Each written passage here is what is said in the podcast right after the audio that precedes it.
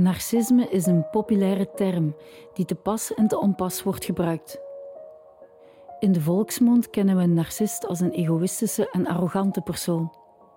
Maar wat betekent narcisme vanuit een medisch en wetenschappelijk perspectief? Wanneer spreken we van een persoonlijkheidsstoornis? Hoe schadelijk is narcisme en waarom worden de slachtoffers vaak niet geloofd? In deze reeks zoek ik antwoorden op deze vragen. Ik praat met getuigen die narcistisch misbruik van dichtbij ervaarden en vraag uitleg aan deskundigen om de mechanismen achter dit gedrag en de gevolgen te verklaren.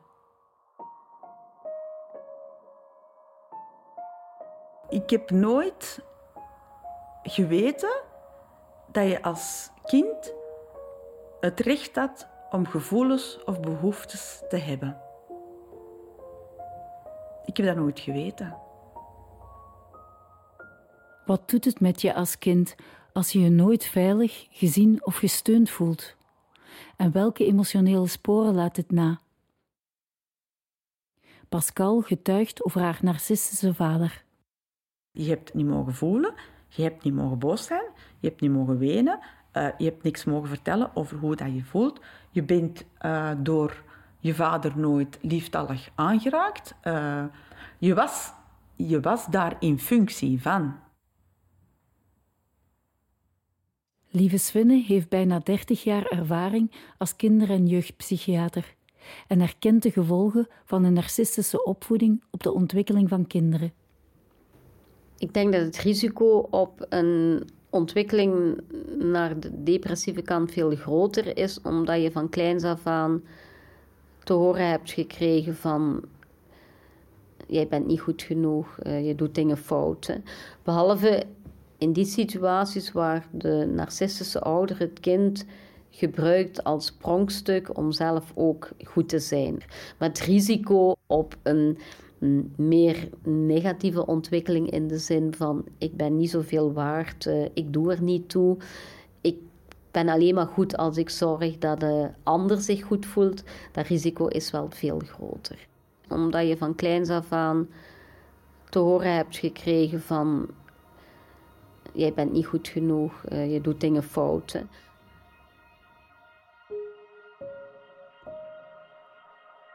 Pascal groeide op in een welgesteld gezin met twee broers. Haar vader was zelfstandige en haar moeder zorgde voor de kinderen. Voor de buitenwereld leken zij het perfecte gezin, maar binnenskamers hing er altijd een gespannen en agressieve sfeer. Mijn vader um, was iemand die um, twee personen in zich had. Buiten de vier muren was dat een zeer charmante, uh, vrijgevige man die zeer toegankelijk was, uh, die vlot praatte. Uh, ja, iedereen was eigenlijk wel heel graag in zijn gezelschap. Ja, een, toffe man. Een toffe man. Uh, wie was hij dan binnen de vier muren? Um, een man waar ik mij vooral van herinner, dat was dat ik altijd op mijn tenen liep. Dat ik ook altijd angstig was. Je kon hem ook nooit niet triggeren. Dus hij kon van de ene moment op de andere moment van, laten we zeggen, lief naar zeer boos gaan. Hij kon ook, bij wijze van spreken, uithalen om het minste. Uh, ook aan als we aan tafel zaten, dan was het ook altijd zo van naar hem kijken. Ik zat dan ook naast hem aan tafel en ik, uh, ik hield hem ook altijd in het oog. Het was ook zo dat mijn vader had uh, al de touwtjes in handen. Dus hij had zijn idee hoe dat de zaken moesten gaan. En daar moesten wij allemaal in meestappen. Als wij een vraag hadden, wij kregen daar nooit een antwoord op. Dat was omdat ik het zeg, of om daarom... Uh, wij kregen ook nooit een verklaring. Uh, wij waren met drie kinderen en eigenlijk hebben wij altijd ten dienste van hem moeten staan. Uh, wij werden nooit geprezen om zaken die we zelf deden. We kregen alleen maar aandacht als hij van ons iets wou gedaan hebben. We hadden thuis ook een zelfstandige zaak. En wij moesten eigenlijk heel veel meehelpen. Dat was werken, werken, werken. Dat was ook de enigste moment dat hij tegen ons sprak. Dat was van, en nu gaat je dit doen, en nu gaat je dat doen. Maar die heeft ook nooit gevraagd van, en hoe was het daar? En, en of hoe voelde jij? Of dat heb ik nooit gekend. Dus, maar ik weet wel, ik vond dat toen heel normaal. Ik heb dat nooit als abnormaal gezien omdat, ja, dat was nu eenmaal zo. Het was ook zo, er werd geen onderscheid gemaakt tussen mij en mijn broertjes. Dus ook mijn broertjes en mijn mama, wij zaten allemaal in hetzelfde vaarwater. Dat was eigenlijk één grote poppenkast, waar iemand zo... Je kent van die handpoppen die aan touwtjes hangen. En dan heb je zo bovenaan iemand die zo de touwtjes in handen... Dat was eigenlijk ons gezin. En mijn vader die bepaalde, oké, jullie gaan nu naar daar en jullie gaan naar daar. En jullie doen dit en jullie moeten verdrietig zijn. Of nu mogen jullie lachen dat werd allemaal van bovenaf eigenlijk ehm, ja, als een theaterstuk werd dat uitgevoerd. Ik kan mij nu nog herinneren dat ik zelfs als ik gewoon televisie keek, dan had ik altijd zo één oog op het beeldscherm en het andere oog keek altijd door het raam of ik mijn vader niet in de verte zag binnenkomen. Dat hij niet aankwam stormen. Want dan wist ik van, oei, dus ik heb altijd zo mijn aandacht naar hem en dan iets anders. Naar hem, ook als ik studeerde. Studeren moesten wij tussen het werken doen. Dus eerst moesten al de taken afgewerkt zijn. En als er dan nog tijd was om te studeren, dan mochten wij studeren. Uh, maar ook als ik op mijn bureau zat te studeren, dan had ik altijd zo één oor dat, of één oog van: is hij hier in huis? Gaat hij komen? Gaat hij naar boven komen? Oei, wat zou ik verkeerd kunnen gedaan hebben? Uh, wat gaat er op mij afkomen als ik naar beneden ga? Oei, ik zal toch wel uh, de tafel goed afgeruimd hebben. Dus ik zat constant onder spanning. Ik had zelfs spanning in mijn, in mijn eigen kamer. Um, bijvoorbeeld, wat ik mij ook nog herinner, dat was dat ik af en toe, als ik ging slapen en ik deed mijn ogen dan zo eens open, dat hij gewoon naast mijn bed stond zo met die ogen naar mij te kijken. En dat ik intens bang was. En ja, dan viel ik in slaap en uiteindelijk, ja, ik heb heel veel angst gekend. Als kind, ik heb heel veel angst gekend. Absoluut. Ik heb mij nooit uh, veilig gevoeld als hij in de buurt was. Als je eh, je energie moet steken in beveiligen. Hè? In, in zorgen dat het, dat het veilig is en dat er niks mis gaat lopen. Ja, die energie kan je niet in andere zaken steken. Hè? Dus je gaat je eigen afremmen. Je gaat niet ten volle ontwikkelen, want je moet te veel energie steken in beveiligen. Hè?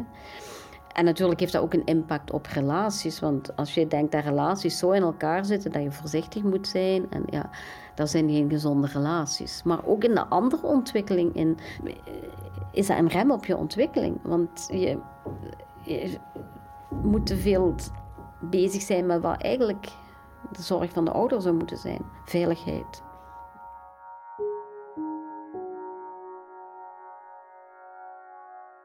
Kreeg je wel steun van je vader? Of gaf hij je erkenning voor de dingen, voor iets wat je, wat je goed had gedaan, een goed rapport of zo? Ik heb altijd een heel goed rapport gehad. Ook qua gedrag was dat altijd perfect. Dat altijd, maar je kan nog beter. Als je 9,5 hebt, dan kan je ook 10 halen. Als je een, een, een goede commentaar, het kan nog altijd beter. Dus ik heb nooit eigenlijk trots geweest op mezelf. Als hij iets in jouw richting ook nog maar iets positiefs zei, dan wist je, straks moet ik daar een prijs voor betalen. Je wist nog niet wat, maar het kwam. Absoluut, het kwam. Dus op een gegeven moment ga je ook niet meer om positieve aandacht vragen. Want je weet dat er nadien altijd wel iets op je afkwam, waardoor je er eigenlijk voor moest betalen. Dus uh, uiteindelijk verander je dan in een schichtig meisje dat ehm, zich totaal verliest, ehm, dat haar leven buitenshuis probeert te zoeken of in een droomwereld. Ehm, ik ben toen ook beginnen schrijven, ik ben toen beginnen tekenen, beginnen schilderen. Uh, gewoon om ergens daar binnen die kleine wereld toch iets van aandacht aan mezelf te kunnen geven. En daar kreeg ik dan ook wel een positief gevoel over. Als ik een tekening had gemaakt of, of ik, ik maakte een opstel en de juf zei van, dat heb je echt wel goed gedaan. Dat was voor mij hemels gewoon. Hemels. Ik vertelde dan ook niet thuis. Ik heb nooit... Uh, ik heb ooit uh, een, een, tekening mee naar huis genomen waar uh, de juf op gezet had 10 op 10. En ehm, mijn vader heeft die gewoon kapot gescheurd. En de avond daarna heeft hij al mijn tekengerief weggegooid. Want dat was iets, dat, dat kon niet. Ik kon niet, hij kon dat niet hebben, dat ik buitenaf waardering kon krijgen. Eigenlijk, als jij vindt dat je beter bent dan iedereen, dan vind je ook dat je beter bent als je kinderen. En als je daarin doorschiet, dan vind je kinderen ook maar niks. Hè? Want die vinden andere mensen waardeloos. Maar als je ook zo naar je kind kijkt, dat is niet vast voor een kind. Hè? Want een kind heeft die erkenning van zijn ouders nodig. Als je eigen ouder je al niet goed vindt, ja, wie gaat je dan wel goed vinden? Dat is, die, dat is dat basisvertrouwen, dat is dat basisgevoel van er mogen zijn, zoals je zei. Hè? De, de hechtingsverhaal van eh, ik, er wordt voor mij gezorgd. Hè? Eh, als ik iets nodig heb, dan zijn ze er. Hè? En ik hoef niet perfect te zijn. Hè? Ja, dat wordt, komt heel erg in het gedrang als uh, een ouder narcisme heeft. En dat geeft heel veel lijden bij kinderen.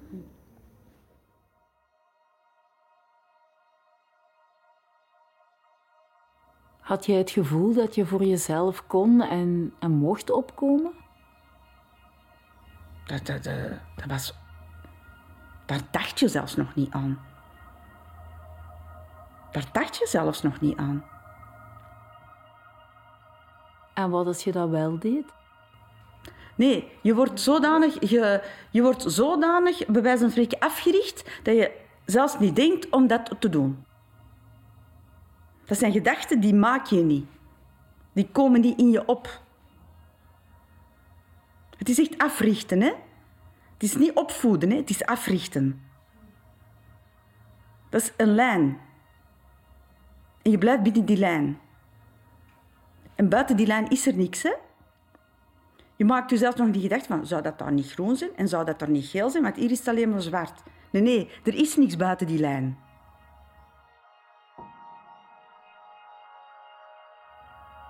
Ja, dus mijn vader was uh, meester in het uh, straffen.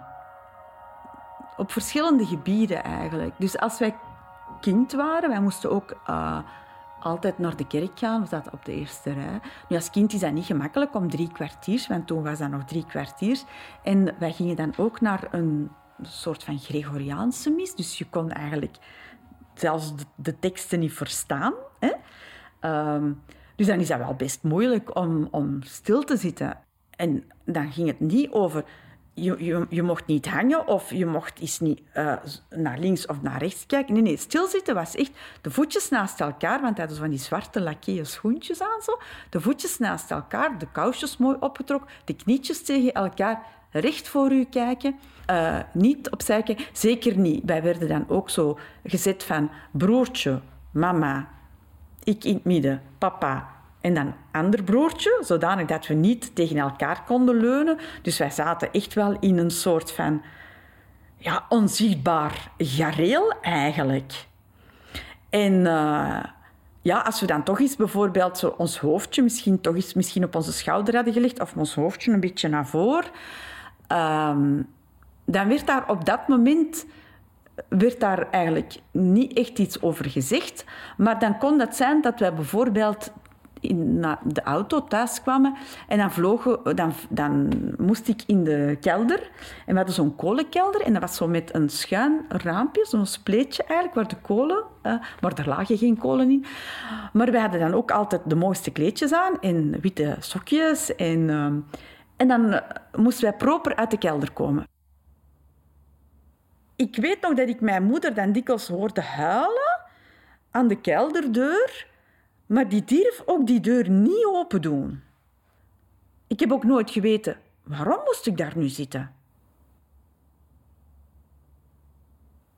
Maar het, het is wel zo, wij zijn als kind gelukkig hebben wij heel lang um, zijn wij, wij zijn eigenlijk opgevoed door onze moeder. Maar wij weten ook dat uh, zij de, de effecten van mijn vader, de, de, de negativiteit en het leegzuigen van de energie, dat zij dat allemaal heeft moeten ondergaan. Want ze halen het, hij haalde het ergens vandaan. Um, en zij is daar uiteindelijk wel uh, compleet aan ten onder gegaan. Dus zij is daar ook ziek van geworden en uiteindelijk is, is ze ook uh, aan kanker overleden. Ja, dat moet heel eenzaam zijn geweest als kind ook, hè? Dat is bijna niet leefbaar ja, hoe probeerde jij daarmee om te gaan? Ik, uh, ik weet nu dat ik constant in overlevingsmodus heb gezeten. Maar dat besef ik nu. Dat besef ik nu pas. Dus ik weet dat ik ook als kind uh, heel veel dingen rondom mij gecreëerd heb om een zekere veiligheid of die, die eenzaamheid te, te doorbreken het, het, schrijven, het tekenen, het kleuren, het uh, ja, uw zinnen eigenlijk echt verzetten, weggaan van. Uh, maar langs de andere kant ook het werk goed doen. Omdat ik wist als ik werk kreeg en ik deed het goed, dan was het oké. Dan was ik ook rust. Als ik uren aan een stuk werkte en ik, was moe en mijn beentjes deden pijn en mijn ogen deden pijn. En, en het was te zwaar, maar ik deed het toch. En, en, en, en ik wou wel, wel spelen en ik was verdrietig. Eigenlijk gaf mij dat wel... Op dat moment voelde ik mij ongelukkig, maar ik wist, als ik mij ongelukkig voel, dan ben ik goed voor mijn papa. Zo um, programmeer je dan jezelf, hè? En dat is iets dat sluipt vanaf de eerste dag van je geboorte sluipt dat erin. En dat is, dat is jouw fundament, hè? En haal dat maar eens helemaal onderuit, hè?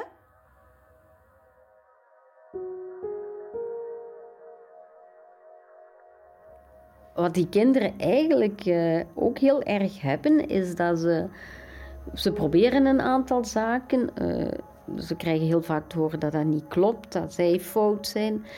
En vragen zich af wanneer ben ik goed genoeg? Hè? Wanneer doe ik iets wat goed is? Zal het ooit goed zijn wat ik doe en zeg en wat ik denk en voel? En dat is natuurlijk een basis om een heel negatief zelfbeeld te hebben en ja, om jezelf weg te cijferen. En wat je natuurlijk in het opgroeien niet moet doen, is uh, jezelf wegcijferen, want je moet in het opgroeien jezelf ontdekken. Ja, je moet, moet ontdekken waar je goed in bent en waar je goed kan en waar je in vooruit wilt. Dat is opgroeien. De kans en de ruimte krijgen om te zoeken wie je zelf bent. Hè. En support krijgen en mensen rondom jou die je aanmoedigen en die als het eens misloopt je ook opvangen, maar niet bekritiseren. Hè.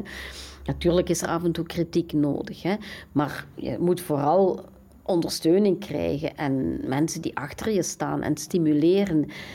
Maar dat is heel moeilijk als je een narcistische persoonlijkheid hebt, in, aan de ander denken, want die denken vooral aan zichzelf.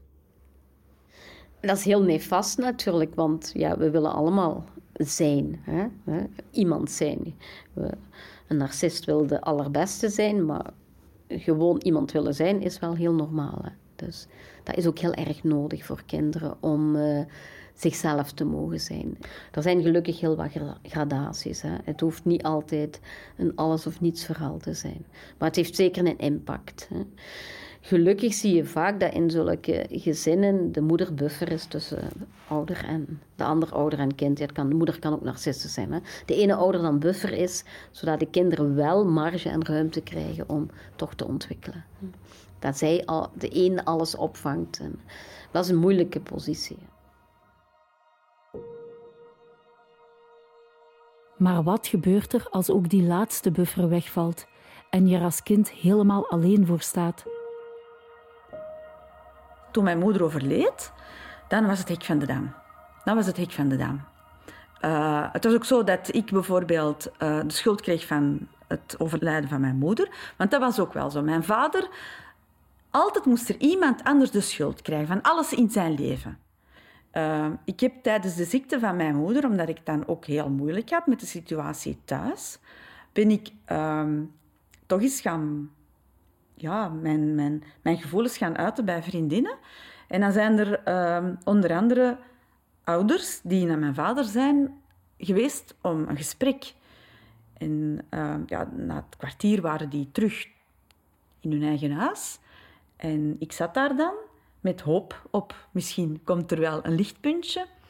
En het enige wat hij zeiden was, je vertelt maar het topje van de ijsberg, want wat wij bij jou thuis hebben gezien, dat is gewoon ongelooflijk. Dat hadden wij geen... Je, je vertelt hier nog niks. De waarheid durf je zelfs niet vertellen. Ik zeg, nee, dat durf ik niet. Dat kan ik niet. Dus die mensen die waren daar al zo van overstuur, van nog maar het kleine stukje informatie dat ik losliet. Op een gegeven moment, uh, ik was twintig, en uh, ik had mijn diploma, dus uh, ik was dan ook uh, gaan werken.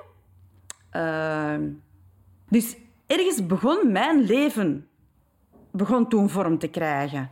Maar voor hem was dat de hel, omdat hij die controle moest loslaten. Oftewel, als ik het meisje dat bij hem bleef en die controle toelaat, oftewel moest ik er niet meer zijn. Dat was heel duidelijk. En ik had er ook niet meer geweest. Hè? Ik had er ook niet meer geweest. Hè? Hij heeft effectief met een mes achter mij gezeten. Hè? En ik maak u kapot. Hè? Beneden aan de trap was er een, uh, een soort van... Ja, een uh, marmeren plateautje. Zo'n soort van vensterbankje. En uh, hij heeft ooit aan dat, naast dat vensterbankje gestaan. En ik stond boven de trap en zei, als je nu naar beneden komt, dan pak ik uw kop vast en ik slaag die hier kapot op dat vensterbankje, hè? op die marmer. Hè? Dus ik ben boven gebleven. Hè? Maar je kunt niet weten hoeveel angst dat je dan in je lijf hebt. Hè? Dan uiteindelijk uh, ben ik, uh, hebben mijn familie, dus mijn vaders familie, hebben eigenlijk een heel scenario, een, een heel vluchtplan opgezet, zodanig dat ik op een gegeven moment... Want ik mocht ook niks voorbereiden. Ik kon niks voorbereiden. Hè. Dus ik was 21. Uh, eh, ik ben 5 augustus uh, eh, 21 geworden. En ik ben, denk ik, 28 augustus ben ik weggevlucht. Dus, en dat was op een moment dat mijn vader, die was toen ook al teruggetrouwd. Dat is heel snel na het overlijden teruggetrouwd. Dat er een moment was dat hij met zijn vrouw en de twee stiefkinderen ergens anders was.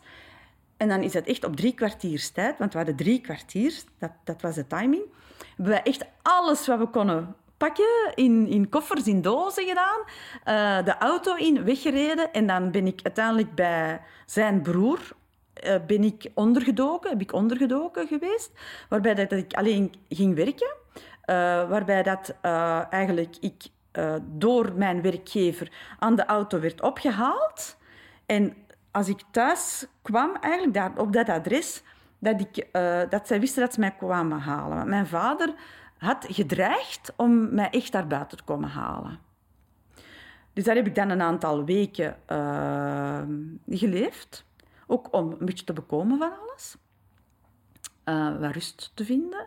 En dan uiteindelijk ben ik bij zijn vader gaan wonen. En daar heb ik dan eigenlijk uh, een, een nieuw nest gevonden. Je beseft niet Ik moet eerlijk zeggen, ik denk dat ik dat zelfs nu nog niet besef. Wat het eigenlijk moet betekenen om er als kind wel te zijn. Ik besef dat nu nog altijd niet. Ik kan, dat mij, ik kan mij dat niet voorstellen.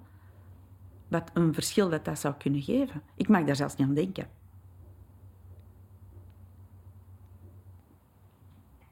En dat is iets dat je, denk ik, nooit niet meer in je leven echt op orde krijgt. Dat is ook een gevoel dat voor mij normaal aanvoelt. Niet gezien worden.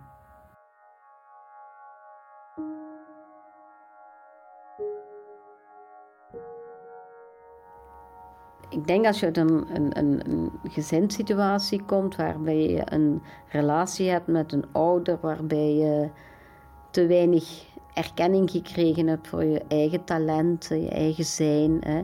Dat je veel kritiek kreeg, dat de anderen het altijd beter deden, enzovoort, enzovoort. Dat draag je mee. En je blijft op zoek naar erkenning. Je ganse leven lang. En therapie helpt daar natuurlijk bij om dat mechanisme te leren kennen. Hè? Maar eh, de zaken die je als jong kind meemaakt, dat worden emotionele sporen in je hersenen die gemakkelijk getriggerd kunnen worden. Hè?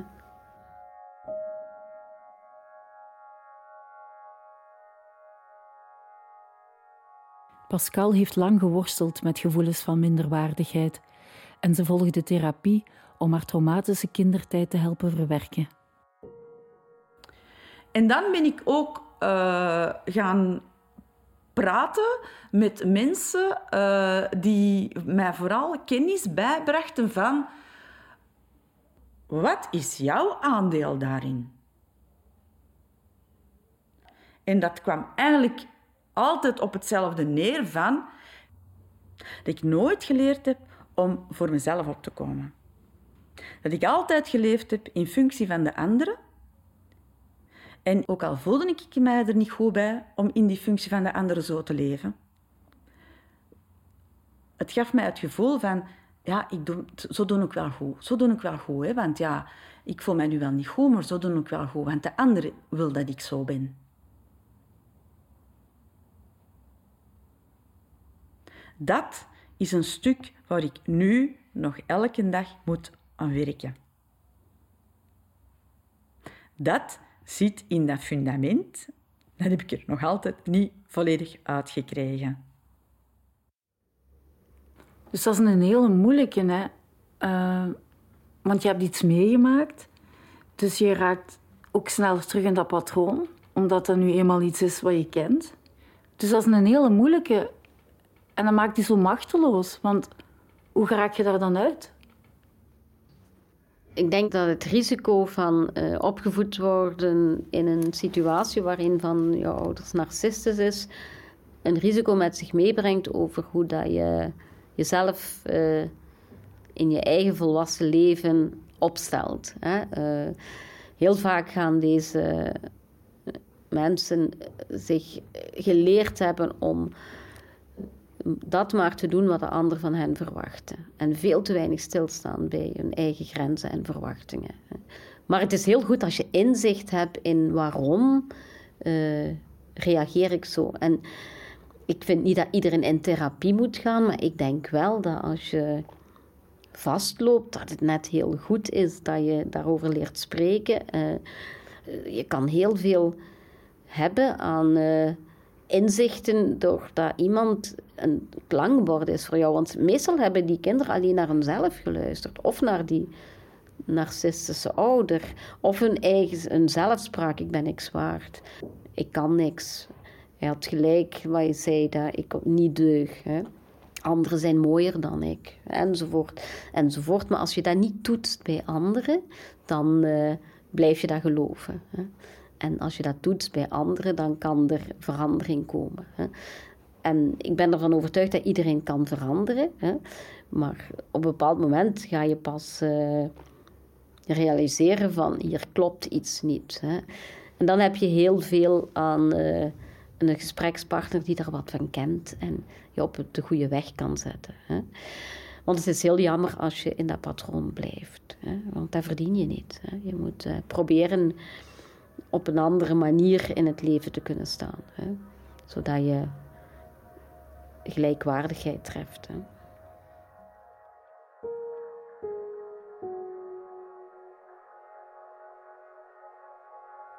Uh, nu is het zo dat ik eigenlijk, ik ben nu uh, de 55 jaar gepasseerd. En eigenlijk ben ik uh, sinds een aantal maanden tot de ontdekking gekomen dat ik eigenlijk nu pas vrij ben.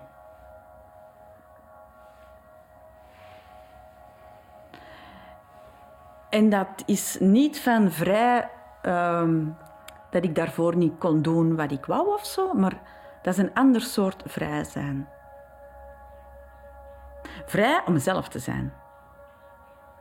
En vrij om de dingen te laten uit te komen waarvan dat ik zelf nu nog niet weet waarschijnlijk dat ze erin zitten. Maar ik ben er wel vrij in. Ja. Omdat er niemand nu met het vingertje gaat wijzen.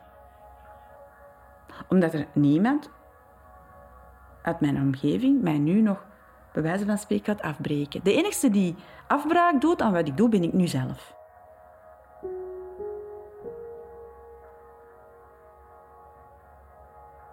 Mijn uh, vader is uh, sinds kort overleden. En uh, ik denk dat het een, een heel bizar gegeven is als je telefoon krijgt. Ik wist dat het er al niet goed mee ging. Ik ben dan toch nog naar hem toe geweest. Op het moment dat ik de zekerheid had dat hij mij niet meer in de hoek kon duwen. Uh, was een hele belangrijke voor mij. Dus ik, voelde, ik moest mij veilig voelen. Ik zeg, ik wil nog gaan kijken naar hem uh, bij leven. Maar ik moet de garantie hebben dat hij mij niet meer pijn kan doen. En dan ben ik inderdaad naar hem toegegaan. En inderdaad, uh, ik heb hem in zijn ogen gekeken daar heb ik iets gevoeld dat ik nog nooit gevoeld had van hier ben ik. Hier sta ik. Nu is het aan mij.